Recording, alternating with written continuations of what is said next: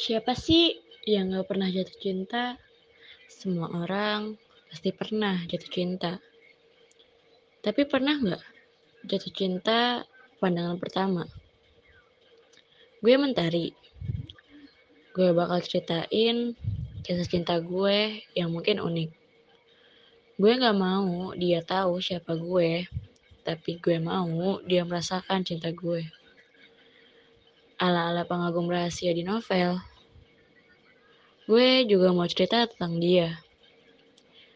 Dia bintang, laki-laki pecinta basket, tapi takut sama matahari.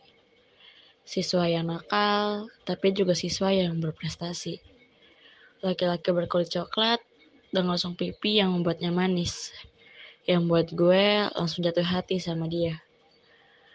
Ikut cerita cerita gue sampai ending nanti.